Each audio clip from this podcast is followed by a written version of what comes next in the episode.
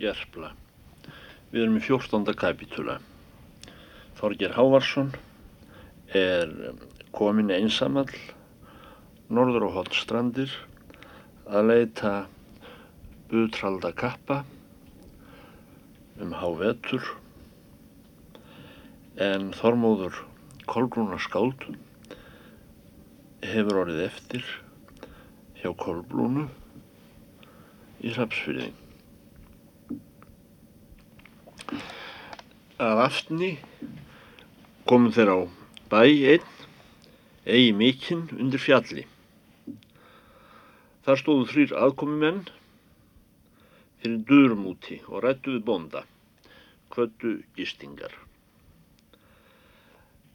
Var þar kominn Butraldi Brúsason og í för með honum yllvirkjar tveir. Butraldi ígldi sig mjög og bretti við bonda.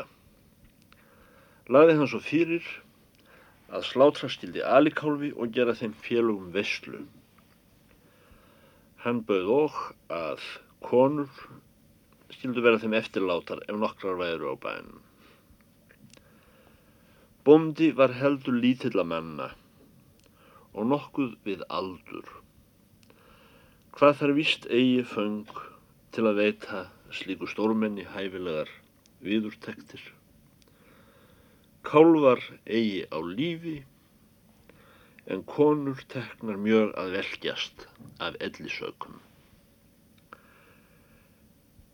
Muntu heldur kjósa að ekki spilla brunni þínum þá, meldi butraldi. Í þeim töluðum orðum bar Þorger Hávarsson að gardi, á samt lúsáta fyldarmanni sínum. Þorger staðnendist þar á hlaðinu og reyður öksi sína um öksl, að kappa síð, svo að upp horfi eginn. Hann mælti. Hér er komin Þorger Hávarsson og er vel, butraldi, að við höfum fundist. Ema hér komin að bjóða þér á pataldur og drepa þig.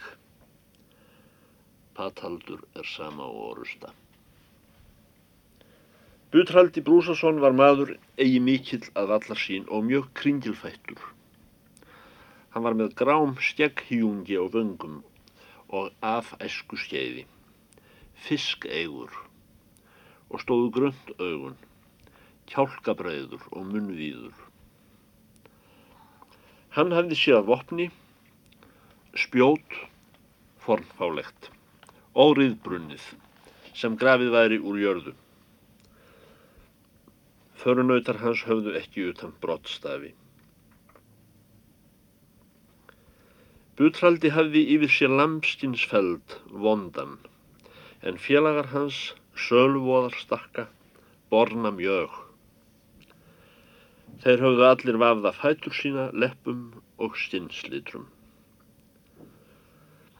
Það er sögn manna að Þorger Hávarsson hafi vænst þungra viðbragða við ákasti sínu hvað skeitlegu. En eigi því er nú gerist og hér greinir. Þá er Butraldi Brúsason verður þess áskynja að þar drífa að fleiri gestir á hlöð bónda og vilja þessi síðkomnu þegar leggja til orustu við þá er fyrirvoru. Þá skelvist hans hjarta öngum músarstjálta af orðum þeim er til hans var mælt. Lætur hann af brettum sínum við bónda en tegir fram álkuna í móti Þorgeri Hávarsinni í ljósaskiptunum. Hann hafði trjónu nef með blæstum stórum, hafið mjög framann. Og vil þefja gestinn, snerkjanda nefi, og slær sundur kjöftum með þeim hætti sem grasbítur, klauffættur fýlir grön, rekur þarnæst upp skræk, hvellan mjög og ergilegan, svo sem þá er hæst lætur í stóði gröðu. Og fylgir þar hlátur ferlegur með rókum stórum og skrum skjælum meiri en menn vissu dæmi. Var eigi trúttum að Þorgeri Hávarsin í bríði eigi er hann, heyrir af einu mann kíkvendi útbrótast, svo afskrámleg hljóð. Hleypisveinar butralda stóðu mundangs fjarrri og hölluðust fram á stafi sína í snjónum, en lúsotti vildi öngu til hætta, heldur skaust fyrir bæjarhornið og leindist í braud þá var hann heyrði hljóðin. En svo var bondi fegin tilkomu Þorgers Hávarssonar að hann hljóp undir vopn hans og lukti hann í faðm sér.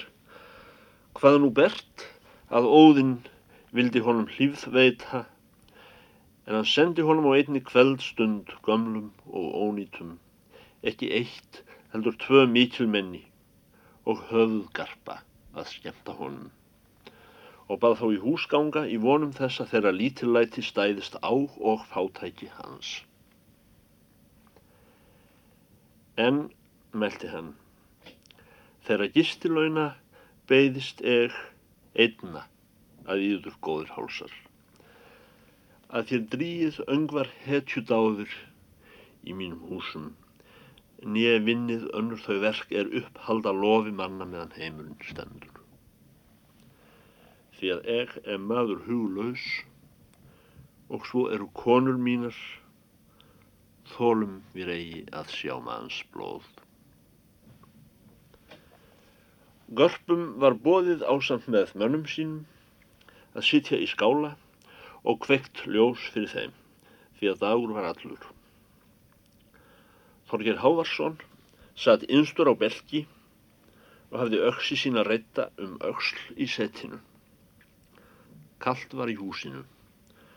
Og leg butraldi að handkurru og hangartogi við menn sína þeim til hýta eða fór við þá á höfrungshlaup er þar voru öngver eldargerfir á gólfi. Eða hann steipti sér kolskít og fór í gögnum sjálfan sig. En stundum gekk hann til Þorgirs og tuttlaði við klæði hans og yldi. Kettlingar báru innart fóð diska. Stildu þeir garpar eta af öðrum en fylgisveinar allir samt af hinn. Var á diski garpa framborin ostbiti eigi all mjúkur ákomu og skamrif eitt úr hrossi. Bóndi stóð í gáttinni og baði gestum sínum virkta. Það var forn landsýður að menn merktu þór verð sinn, ellegar syngdu Kristi, þegar hann mátu meira. En butraldi hafi skammar signingar.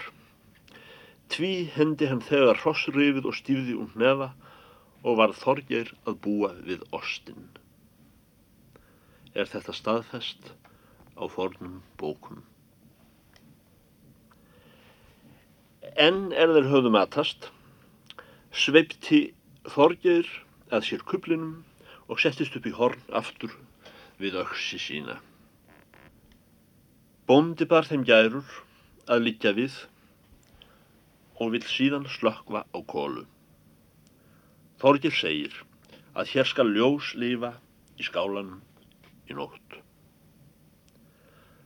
Butraldi tók skinn og bjó flet sitt nær því er Þorgir satt. Hann lagðist niður öfugur um þveran pallin og lit hausinn hanga fram af pallstokkin svo að auðveldlega hefði mátt aftaka í einu högði. Það undraði Þorgir mjög að butralda virtist engi ógn af honum standa. Sopnaði garpurinn þegar með hrótum yfirvættis miklum sem væri miðgarðs bormur laus. Spjót hans, allra vopna vesalast, lág á gólfinu. Þorgeri tókti maðurinn með ólíkjendum og helt vöku sinni. En þá er leiðan mið, miðnætti. Vaknaði butraldi og tók til að aka sér og klóra og hrífa um sig með stórum geispum, hann mælti. Kýr rýmur hér bak veggjum og gerumst eig myrkfælin. Men það vera ill kýr. Þorgir svarað öngu. Skulum við eigi, segir butraldi, hefja leik nokkur að skemta okkur, eru hér nætur langar á hornströndum og heldur döglegar. Er það mitt ráð að við farim til og drepim flær? Lýst mér það mest skemmtan að við veðjum hór fái drefnar fleiri í feldi mínum milli þess er kýrin bölar.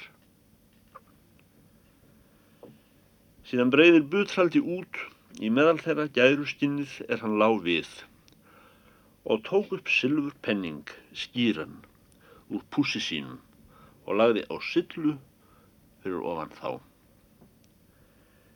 Er hér ennst gangsylfur og stendur halva mörg penningurinn eða hvað leggur þú við?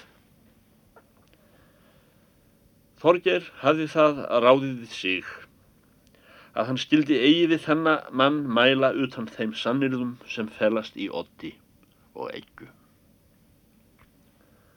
Og því svarar hann enn öngu. En starsýtn var hann eigi að síður á penning þann er kappin dró fram. Var það í fyrsta sinni að Þorger Hávarsson leið sylfur sleið. Nú fer butraldi á rammana yfir feldinum og tók að skemmta sér en með því að bæði var ljós í döfara lægi í húsinu, en það kikvendi skjót undan komu, þá sækist honum all sent flóa drápið, en þó hafði hann lagt að velli tvær nokkrar eða þrjár, þá er kýrin rundi. Hversu margar eru þjerna? spurði bútraldi en með því að Þorger hefði eigi verið að leik. Tók butraldi til sín silfurpenningin aftur af sillunni og hvað sér hafa græðst hann í leiknum og skríkti við. Því næst tók hann fram annan penning og var sá hálfu starri hinnum fyrra og lagði undir. Þorger Hávarsson horfið forviða á penningin. Líðan og drikklung stund uns kýrin baular af nýju og sópar butraldi til sín einnig þessum penningi með miklum hlátrasköllum og óhljóðum. Þriðja sinni leggur butraldi undir og dregur nú fingur gull úr púsi sínum og lætur upp á silluna. En hvort sem Odli að Þorgeri þótti maðurinn og skemmtan hans því leiðilegri sem hann draf fleira. Eða kýrin var þögnuð með öllu.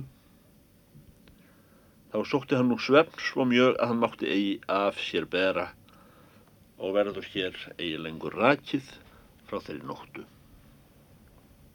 En að morni líkur Þorger Hávarsson augum sundur og vaknar er hann þá einn manna í skála. En auksinn hefur fallið úr greipum honum í svefninum niður millir fóta honum.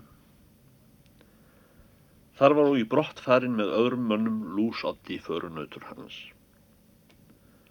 Það voru fjósamál á hornströndum.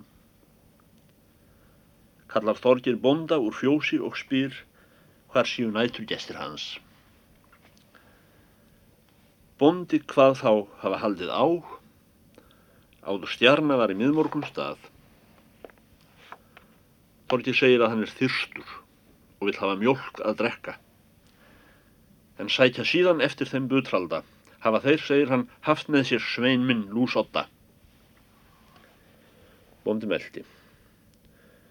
Þau tíðindi er að segja af butralda að þeir félagar hafa í morgun drukkið kúmína og er hún nú þurr nýtkuð.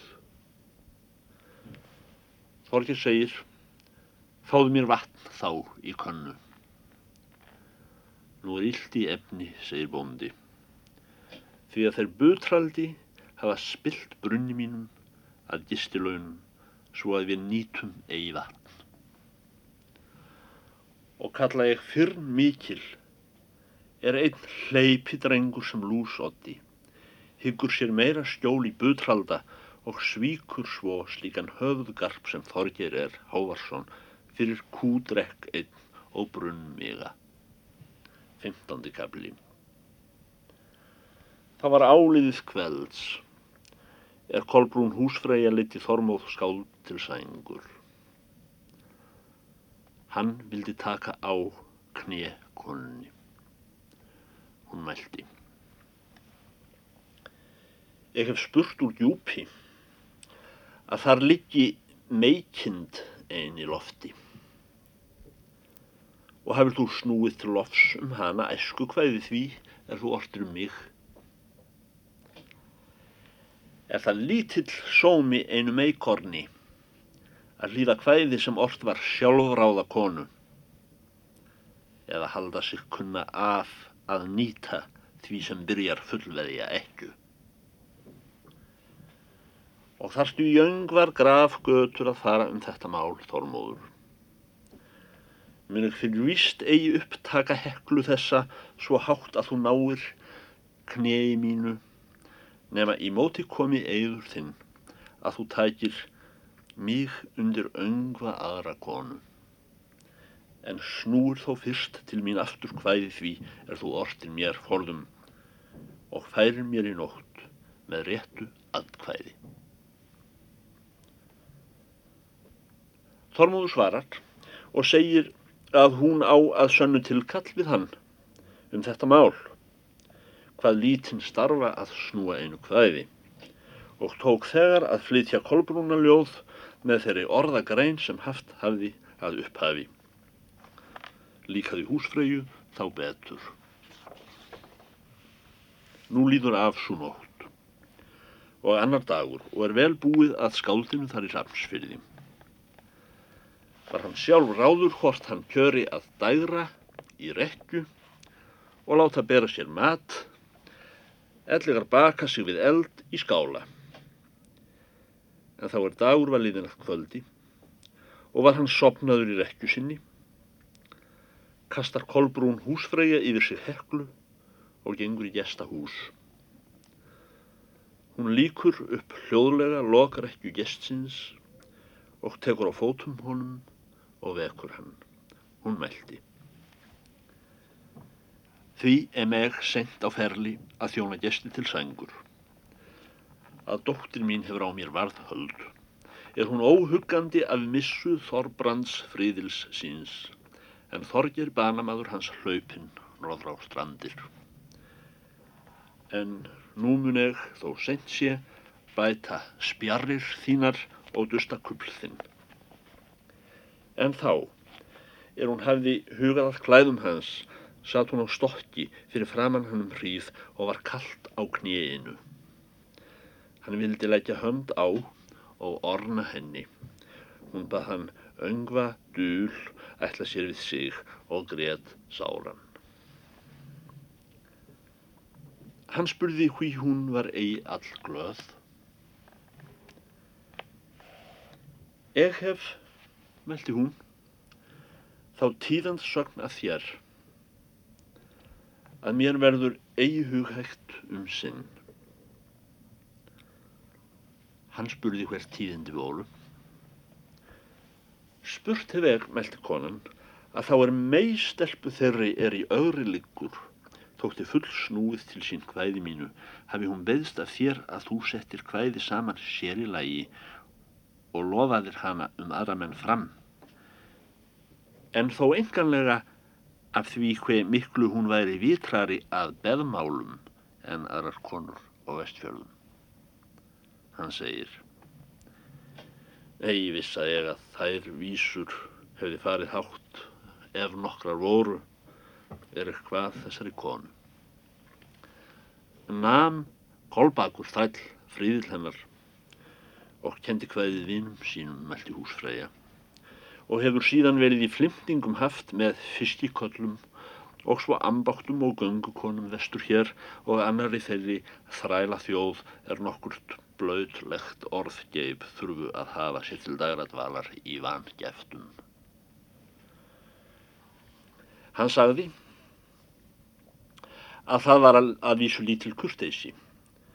Það var maður mælir við konu einslega að flytja henni eigi mannsöng ef hún byður.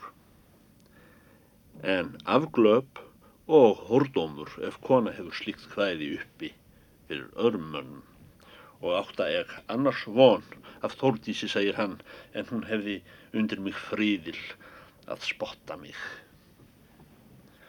Húsfræja meldi. Þér teljiði þur alla vegu færa við oss, karlar.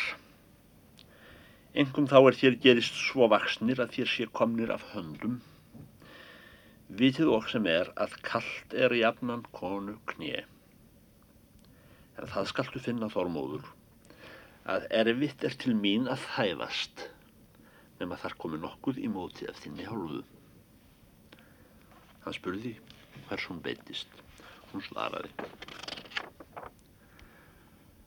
Þú skalt snúa til lofs við mig hvæði því er þú hefur orðum ögur flegðu og hveða við eira mér. Máttu ef þú vilt hafa á knjei mér höndina meðan þú hveður. Nú gera þau þessi kaup með sér. Snýr Þormóður til húsfræju hvæði því er hann hafi áður hveðið Þórdísi og verður eigi fleira tíðanda þá nótt eða dag hinn næsta og er Þormóður í góðu yfirlæti með förunautum sínum þar í Hrafnsfyrði. En þá er dregunar lánætti hinn að þriðju nótt og flestir menn eru gengist til náða um jökulfjörðu þá veit eigið Þormóður skáld fyrr til en Kolbrún húsfreyja situr á rekkjustokki hans og hefur steipt yfir sig heklu sinni því að frost var mikið, kona var döpur í bræði. Hann spyr hvað hann að treyji svo mjög eða hvort knið hennar var jafn kallt sem næstum. Hún svarar. Vist er heit hönd þín þormóður og þó er ennegi full reynd hversu vel þú ert fallin að orna mér knið. Hitt verður eigi aftur tekið að á þeim sjálfum degi er þú komst hér bað eg yfir fyrstra orða fara til og drepa fríðil minn senda ég yfir svo á hans fund að hann var öngvum spuna vafður fyrst. Hitt hef ég spurt úr djúpi að Þórdís kölludóttir hafi vafið sinn fríðil garnvindum áður þá er hún gaf þér færi á að drepa hann. Þormúður spyr hvort húsfrægi hefur enn ætlað honum þraut nokkra eða raun er sannakynni einörð hans við hana. Hún svarar. Enn hefur þú, eigi orðað hvæði er til mín einnar væri leikið, svo að eigi yrði snúið til lofs annari konu.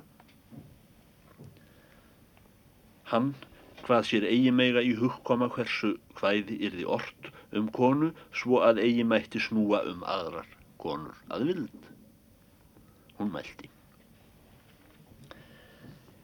Egi beigðumst ekk þess að þú hveður um björnt tungl hvarma minna nefnum hatt príði, það er að segja hár príði, nefn lostfagra líti mína og öngva þá hluti aðra sem meigu til lofs verða öðrum konum flestum þeim er koma í kallmanns leik. Veit ég vel að augum mín eru þegi björnt og þó að ég væri að sapnblá forðum nálgast svo stund að ég skipa hæru kjellingasess. Þarið er og lítar eftir mitt það er ég hafa í æsku. Og í stað sköpulags sem þér skáld kennið til aspa og annar rakkar andra viða myndu fundna hafa konu helst í hörundsmikla. Þar er eg em. Og því er háð og eigi lof öll kvæði um aðrar konur er þú snýr til mín. Vil ég öngum skálskap slíkum lengur hlítan ég undirbúa og ertur hlægilegt skáld. Hann meldi. Það er eigi aðal skálda að marka í kvæði veröldina með þeim svipur hún sínist úr fleti kararkellinga. Heldur skildi maður vera hetja fyrst en skáld síðan og ráði hjartaplífin kvæðinu. Öng kona vil ég heldur vera meldi hún en svo er loðuð sé af hetju. Hver kona viltu vera, spurði hann. Hún meldi. Nú hef ég svo setið á stokki hjá þér að vart mun leinst hafa fyrir svo glöggum manni hunangs díli lítill í hörundi mínu nokkur. Hunangs díli það er eða sem kallað er á nútímamáli fæðingarblettur. Vil ég þess að þér beigðast að þú yrkir hvæði um þennan hunangsdíla. Og er það ætlan mín að því hvæði verði eigi snúið til lofs annari konu. Hann hvaðst að sönnu þetta hvæði hverða vilja og bað húsfræju eigi á brott verða áður lokiðæri. Hafa menn fyrir satt að hann yrti á þeirri nóttu hunangsstykka. En er orst var, hlíti kona hvæði þakksamlega. Hétt hún skáldið eftirlæti sitt og gersimi að launum og hvað hann þessa nótt fyrsta hafa unni til þeirra nafngiftar en menn höfðu veitta honum ungum þá er þeir kölluðu hann Þormóð Kolbrúnar skáld. En svo bar til í byrtingu þann sama morgun að Þormóður Kolbrúnar skáld þykist vakinn og hefur uppláttinn ársalsinn Hallast hann að hægjendum í rekkjunni og horfir utan eftir húsinu en garðs fólk allt til verka gengið innan hús eða utan. Þá verður með skjótri svip hann bjart mjög í húsinu líkt og þá er jeli léttir og þó ekki af sólu og fylgir kuldi mikill byrtu. Fær hann þá eigi betur séð en inni sé miklu víðara til veggja og herra til ræðurs en hann hugði áður og undraðist hver vegleg salarkinni eru orðin í svo afstjæktum fyrir því. Voru skálatré skorinn og skrifuð fagurlega með drekum, foglum, mönnum og öðru kíkvendi úr fornsögum. Veit hann eigi hverju sætir að hann hefur eigi áður formerkt hvert hús hann byggði og fyrir vist í öngu var ódýrlegra konungsölum fornfrægum þar sem gerst hafa atburðir er verða alla heimsbyggðina. Og sem hann virðir fyrir sér þennan hásal, heilir hann út í flugmíkinn yfir þegjunni. Í þeirri andrá lúkast upp dýrin þar sem húsfræja gekk út fyrir stundu og stígur innar kona einn stundar mikil, hún er föl á yfirlit og horfir á hann fast. Þessi er öllum konum tígulegri í framgöngu og þó þykir honum skapan hennar mjög samlík ögur minni vinu hans. Konan var búinn sem hæfir valkyrjum í stakki riðunum og tók niður á mitt lær en hefði belti um sig miðja og á kingu mikla að forn hvenna síð upp háfa skúa á fótum og nögt knje. Henni var skorinn skör svo að namn við axlir. Þessi kona hefði sér að höfuðbúnaði hjálm fagran en spjót í hendi gullreikið. Hún bara á armi sér svana hamsinn. Konan nefn staðar við rekkjustokk þormóðar og mælt svo þar sveikstu mig enn og þessu sinni miklu verð en þótt þú hlipist í brott með þorgeri eða hvern hlut ætlaði mér nú. Þessi atbyrður fekk mjög á Þormóð skáld er mær frum ung, lítt styrk og hvenna grannvöxnust var í skjótri svipan orðin formíkil jarðdís og alstyrk í lofti og fór með góðum vopn. En andlit hennar sem hann hefði í gæri viðskilist þrútið af trega gein í dag við honum óttasamlega undan ægi sjálfi. Hann meldi. Eg em sá hvenna ástmaður sem haldur fer og handar vana. Eru og ástir yðrar hvenna sá einn leikur þar sem engi kallmaður er hetja utan sá er þar kýsir öngvan hlut af og skilur þar millir okkar þorgis eða hvað skal nú til bræðs taka þóttís hún svarar. Hér myndu engjast verða svo lengi sem þú sjálfur kýst í snörum konu þeirrar hinnar yllu er byggir undir djúpin en eigi mun eða gráta þó að kreppa nokkur sé á þér meðan ekki kemur í samt lag aftur um hvaðið mitt að svo meldu lagði hún til hans spjóti sínu svo oddurinn stóð í brúna hafti milli augna honum. Brá þá svo við að sínin hvarf og gerðist honum dimt fyrir augum en höfuðið tók verk svo mikinn að honum fannst sem augun myndu útspringa og dró úr honum allan mátt.